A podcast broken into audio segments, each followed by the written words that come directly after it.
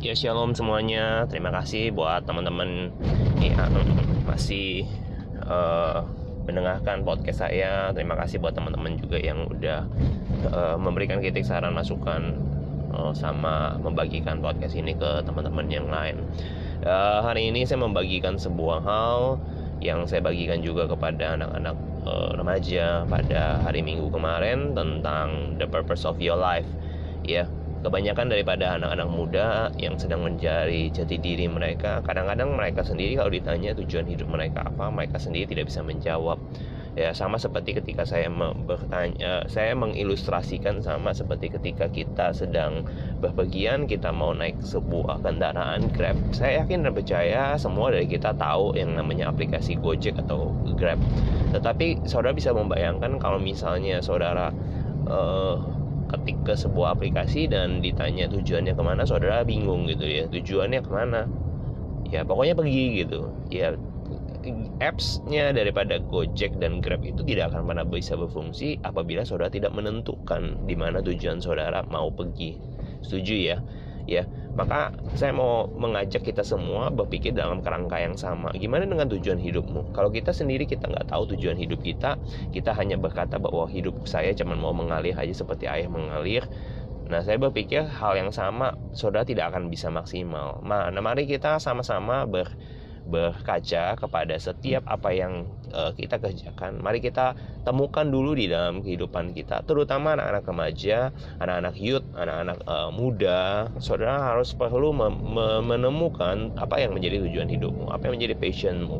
Dan dari situ saudara bisa akan uh, menjadi uh, maksimal karena saudara menemukan uh, panggilan hidupmu.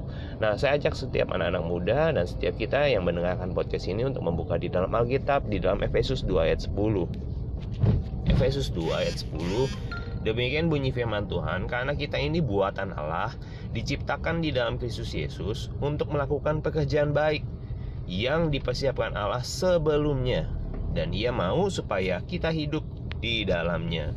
Nah, saudara-saudara, kita saudara menilai bahwa ada tiga hal, tiga prinsip yang saudara harus uh, melihat bahwa the purpose of your life yang dikatakan oleh Rasul Paulus melalui suratnya ke jemaat Efesus. Ya, yang pertama, ya, setiap kita harus tahu bahwa dikatakan di situ kita ini buatan Allah. Di dalam uh, Alkitab terjemahan lain di dalam bahasa Inggrisnya dikatakan we are his masterpiece ya kita ini adalah masterpiece-nya Tuhan. Ya kita adalah mahakarya kita adalah ciptaan yang sempurna.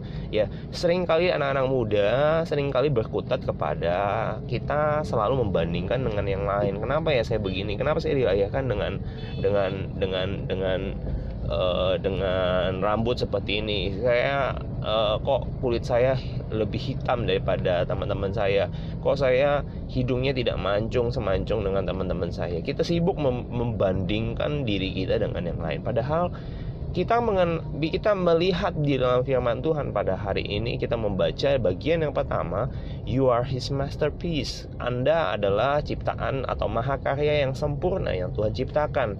Tuhan menciptakan Anda unik. Tuhan menciptakan Anda spesifik. Tuhan menciptakan Anda spesial. Tuhan tidak menciptakan dua daripada Anda. Bahkan orang-orang yang kembar identik sekalipun Tuhan menciptakan begitu rupa sehingga saudara punya DNA dan juga sidik jarimu dengan sidik jari uh, saudara kembarmu sekalipun tidak pernah sama.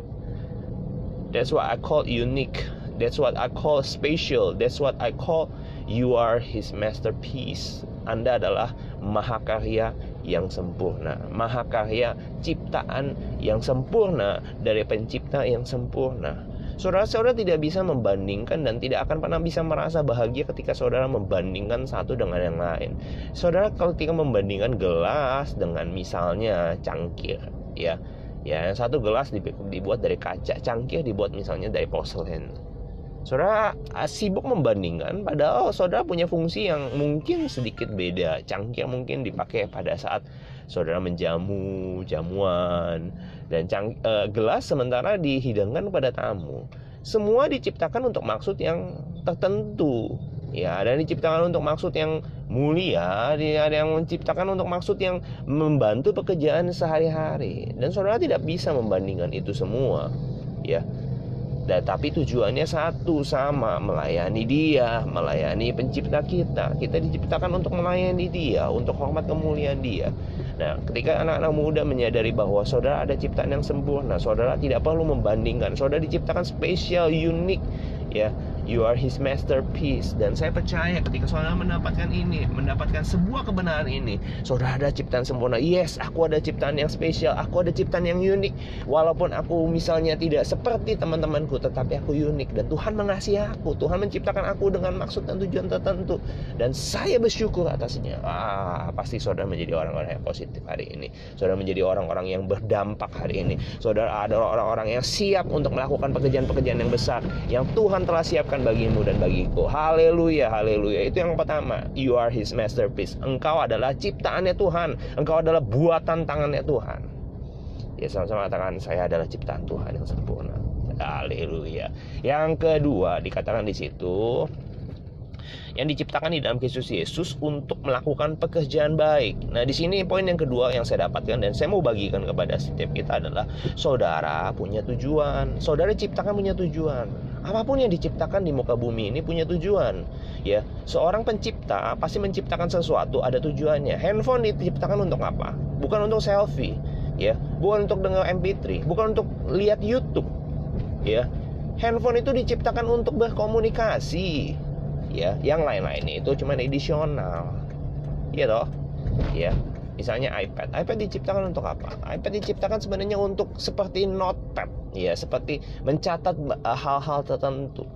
Ya orang kan kalau baca apa untuk bawa notes apa segala macam sulit sekarang ya. Kertas mau irit dan paperless dan lain sebagainya. Makanya diciptakan iPad. Tapi banyak orang membeli iPad untuk main game. Ya apakah itu benar-benar fungsinya? Bukan. Itu bukan fungsinya. Kalau mau main game ya main ya PlayStation gitu ya. ya Xbox itu itu memang untuk games. Tapi itu iPad tidak diciptakan untuk itu. Kadang-kadang kita sebagai anak muda ada dua hal yang kita lakukan. Kita tidak ngerti sih kita pikir anak muda itu eh, masa-masa muda itu untuk apa? Oh, masa muda itu belajar, untuk belajar aja atau untuk misalnya untuk main game aja atau untuk ber, bersenda gurau dengan teman-teman kita. Ya, bukan itu. Tujuan masa muda kita diciptakan Tuhan adalah kita bisa memanfaatkan masa muda kita untuk kemuliaan nama Tuhan. Ketika kita menghabiskan masa muda kita, kita bisa berdampak kepada anak-anak di sekeliling kita. Engkau menjadi garam dan terang. Walaupun engkau muda, Rasul Paulus pernah berkata kepada pada Timotius anak-anak didiknya, kepada anak anak e, muridnya, dia berkata janganlah menganggap dirimu sendiri rendah gitu ya. Ya, karena engkau muda, jangan menganggap dirimu rendah. Ya. Tetapi jadilah teladan Rasul Paulus berkata, jadilah teladan di dalam perkataanmu, di dalam perbuatanmu. Ya supaya apa? Supaya ketika orang melihatmu, orang bisa melihat bahwa Tuhan itu bekerja. Dan mereka memuliakan Tuhan oleh karena dia melihat perbuatanmu. Dia melihat apa yang kau kerjakan, apa yang kau lakukan, apa yang apa yang menjadi uh, karaktermu. Orang bisa memuji engkau dan memuji Tuhan. Amin.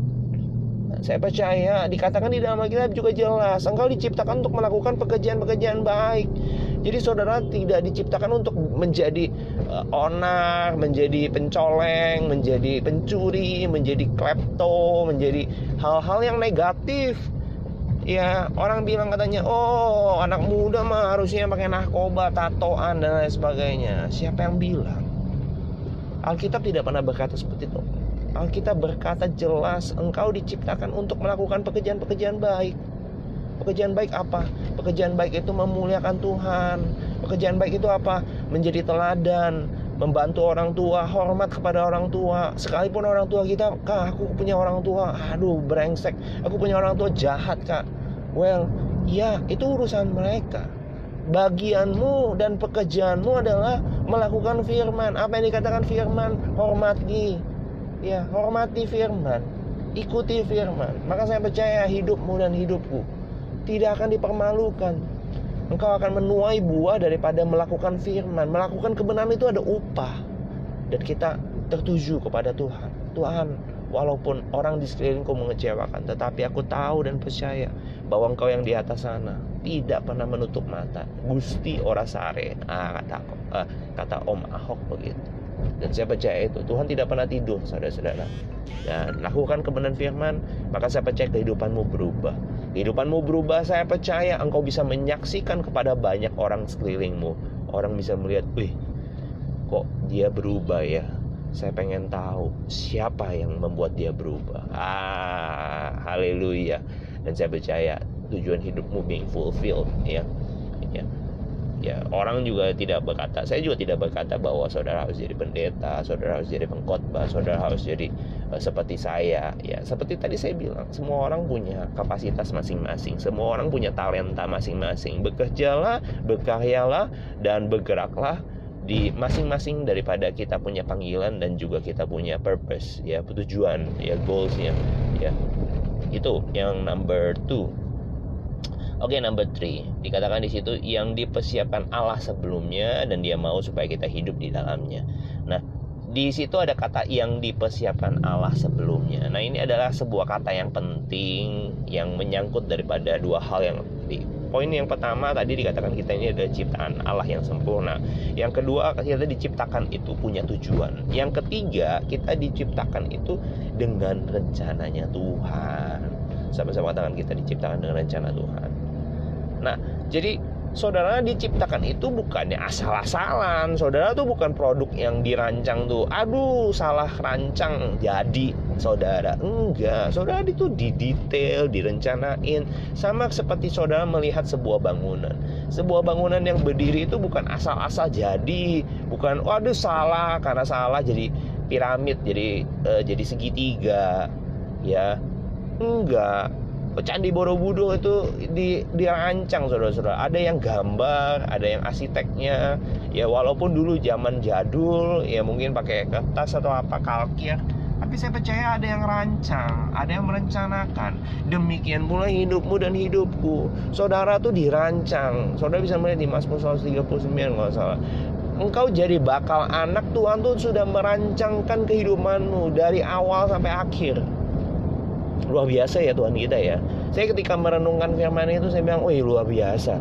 Hidup saya ketika saya belum ada, saya belum lahir, Tuhan sudah menulis kisah kehidupan saya, skenario saya dari awal lahir uh, uh, sampai uh, kecil, kemudian beranjak remaja, saya misalnya sempat ke luar negeri, saya kembali ke Indonesia, saya menjadi orang yang uh, bekerja, ya kemudian saya ikut ini, ikut itu seminar. Saya pikir saya menjadi orang yang menjadi public motivational speaker dan lain sebagainya. Dulu saya berpikir seperti itu. Eh enggak, ya lewat sana lewat sini masuk akhirnya apa? Masuk ke gereja bantu sini bantu sana. Dipercayain satu hal dua hal tiga hal. Dikerjakan dengan baik dikerjakan dengan penuh tanggung jawab. Loh saya bilang kok bisa sampai sini? Ketika saya menengok ke belakang eh saya menyadari bahwa Tuhan punya rencana yang besar untuk kehidupan saya ya saya dipersiapkan untuk melakukan hal-hal dan perkara-perkara yang besar maka saya mau saudara jangan pernah kecil hati Jangan pernah saudara merasa bahwa saudara itu kecil, saudara itu tidak berarti, saudara tidak bisa apa-apa. Saya mau mengajak saudara untuk tetap terus memandang kepada Tuhan, berharap kepada Tuhan, dan melihat bahwa Tuhan jauh lebih besar di dalam kehidupan kita semua. Di atas setiap masalah kita, di atas setiap pergumulan kita, saya mau, mau melihat saudara, melihat bahwa Tuhan itu punya rencana tidak pernah gagal. Seringkali kita yang menggagalkan rencana Tuhan. Nah, gimana caranya kak aku mengetahui tujuan tujuanku? Gimana aku supaya mengerti rancangan Tuhan? Ya sebab rancanganku kadang-kadang tuh dikatakan di dalam kita pancangan Tuhan tuh jauh lebih tinggi daripada rancanganmu. Seperti langit dengan bumi. Nah, saya mau ajak setiap kita belajar sih, gimana caranya kita menemukan tujuan Tuhan, gimana cara kita menyelami rencana Tuhan yang walaupun secara akal budi itu sulit untuk kita selami. Nah, sama seperti ketika saudara membeli handphone, saudara membeli perangkat elektronik. Saya percaya satu hal, saudara pasti disertai uh, semua apa yang saudara beli itu pasti disertai dengan uh, buku buku manual manual book saudara membeli mobil pasti ada manual book ya ada buku servis ada buku manual. Dan di situ tertera kepada kita semua tentang apa-apa saja yang menjadi detail daripada apa yang kita beli ya. Tentang uh, tentang apa ya? Uh, tentang kita punya operasional